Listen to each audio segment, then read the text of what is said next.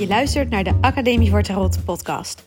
Mijn naam is Christa en ik deel heel graag al mijn tarot-ideeën, kennis, filosofische gedachten en creatieve tarot-inspiratie met jou, zodat ook jij het heft in eigen hand kunt nemen met de kaarten. Welkom, welkom. Het is een ehm alledaagse zaterdag. ik ben nog steeds een beetje verkouden. Ik ben de was aan het opvangen, ophangen, nee, opvouwen. Ben de was aan het opvouwen. Mijn kleintje die ligt hier lekker met een knuffeltje te spelen.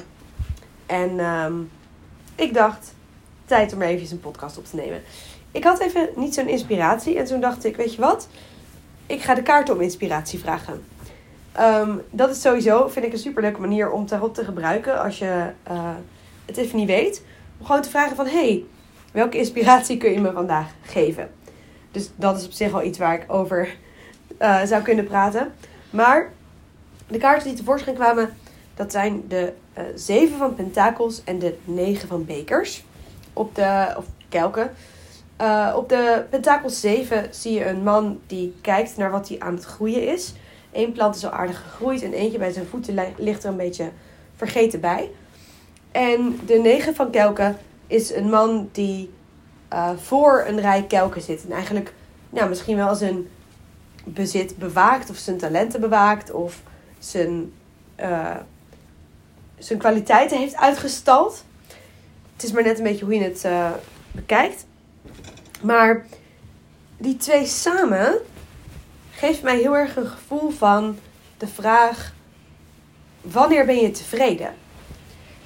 Wanneer kun je tevreden zijn met wat je hebt? De, de negen van Kelken is er één die er tevreden uitziet, hoewel wel met gesloten armen. Ook daar is nog niet 100% ehm, ja, het doel bereikt, lijkt het wel.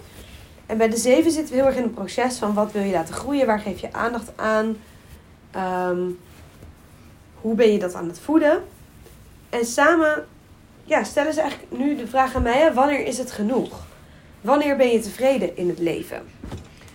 En ik denk dat als je eh, tarotkaarten legt, dat we vaak geneigd zijn om per kaart te kijken. Je, je, je hebt een legpatroon en je gaat per kaart ga je de antwoorden op iedere deelvraag zoeken. Maar de kunst is juist ook om de verbanden tussen kaarten te gaan zien. Daarom is het ook wel eens leuk om dus twee kaarten te trekken en te, te kijken van hé, hey, wat zeggen die twee dan samen? En deze twee samen stellen dus voor mij nu die specifieke vraag van hè, wanneer ben je tevreden? Waar, ehm, waar werk je aan en wanneer is het genoeg ook? Ik ben ehm, bezig met het lezen weer van uh, zelfhulpboeken en zo. En ik merk heel erg dat ik ehm, mezelf ook de vraag stel van... Ja, je kunt eindeloos aan jezelf werken en aan je leven uh, bezig zijn met bewust je keuzes maken. En um, hoe wil ik mijn dagen inrichten? Hoe wil ik mijn tijd inrichten? Doe ik wel wat ik wil doen in het leven? En dat is allemaal heel belangrijk en mooi. Maar deze kaarten herinneren me ook heel erg aan. Hè? Het is ook de bedoeling dat je gewoon je leven daadwerkelijk leeft. En niet altijd alleen maar druk bent met bouwen aan de toekomst. Wanneer is het goed zoals het is in het nu? Ik denk ook dat die twee tegelijkertijd kunnen bestaan. Hè? Dat je tevreden kunt zijn met hoe het is in het nu en kunt bouwen aan je toekomst. En dat is misschien ook wel wat deze kaart laten zien. Dat er een optelsom kan zijn van die twee. En ja, voor mij is dit wel uh, passend om hier met dit thema nu, nu bezig te zijn, hierover na te denken. En wat ik voor, de, voor deze aflevering vooral leuk vind om je mee te geven, is dus die. Dus, er zit altijd een soort dubbele laag in. Als ik, als ik kaarten voor mezelf leg en erover praat, dan is het aan de ene kant een stukje eh, inhoudelijk, wat haal ik er dan uit? En aan de andere kant ook hoe, hoe werk je dan met die kaarten? En hoe kun je voor jezelf kaarten op zo'n manier leggen? En uh, dat is ook wat ik in mijn cursussen heel erg probeer mee te geven aan cursisten. En waar we ook mee bezig zijn in oefengroepen en dat soort dingen. Dan gaat het dus niet alleen maar om het legpatroon op dat moment. Um, maar en natuurlijk voor degene voor wie we vaak als ehm, tijdens een cursus, dan gaan we aan de slag met legpatroon. En dan staat er vaak iemand centraal. En dan is het dat degene voor wie de kaarten gelegd worden, degene die de kaarten voor zichzelf legt op dat moment, ehm, is het natuurlijk heel relevant. Is het natuurlijk heel belangrijk om ehm, tot een goede duiding te komen. En tegelijkertijd probeer ik af en toe daar even afstand van te nemen en te reflecteren op uh, hoe kom je nou eigenlijk tot die duiding. Oeh, ik moest even op de pauzeknop drukken, want er kwam een enorme hoestbui aan. Ik ben uitgehoest, hoop ik. Um, ja, dus waar ik, ik, ben, ik ben een beetje van de hak op de tak vandaag. Maar waar ik op uitkwam was, ik probeer mijn lessen altijd die beide lagen uh, te laten zien. Dus zowel in te gaan op de kaarten die tijdens de les op tafel komen. En uh, wat we daarvan kunnen leren vandaag. Hè? Of degene voor wie de kaarten gelegd worden, of degene die de kaarten legt. En tegelijkertijd ook steeds weer even op een metaniveau te bekijken van... hé, hey, hoe kwamen we nou dan tot deze interpretatie?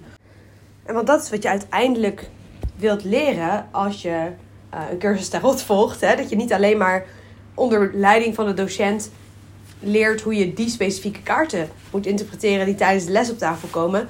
Maar dat je ook gaat zien welke technieken je dan precies toepast. Zodat je dat vervolgens voor jezelf ook kunt doen als je in je eentje kaarten legt. En hoe je dat vervolgens ook kunt doen als je voor anderen kaarten legt. Dus het is, um, als je tarot aan het leren bent, altijd belangrijk om eigenlijk, nou ja, niet altijd, maar het is wel belangrijk om op die twee niveaus bewust te, bezig te zijn. Dus zowel als je dus kaarten voor jezelf legt, dat je dus niet alleen maar voor dat moment bekijkt van hé, hey, wat betekenen de kaarten, maar ook van hé, hey, wat heb ik dan precies.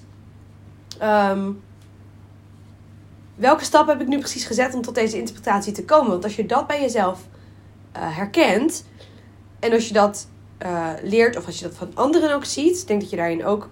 Um, in eerste instantie denk ik dat je heel erg voor jezelf het wil leren, maar dat je vervolgens ook met anderen daarin kunt leren en groeien. Dat je, ja, als je die technieken gaat beheersen, dan heb je meer een um, basis om, het voor, om op voor te bouwen dan wanneer je elke keer weer opnieuw soort van moet uitvinden hoe het zit. Ik weet niet, ik hoop dat dat. Hè, dus als je elke keer, als je gewoon de kaarten erbij pakt en maar ergens begint, dan is het elke keer weer een zoektocht. Terwijl als je op een gegeven moment een beetje weet welke technieken je kunt toepassen, dan wordt het een vaardigheid waar je beter in, kunt worden. En dat hoop ik heel erg ook mijn uh, cursisten mee te geven.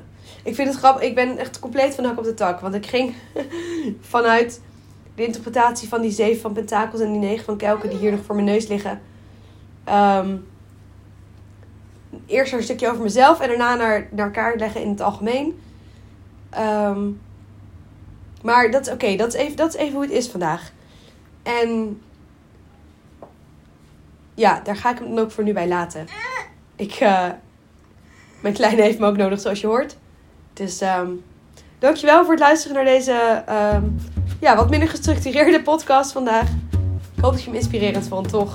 En uh, tot morgen.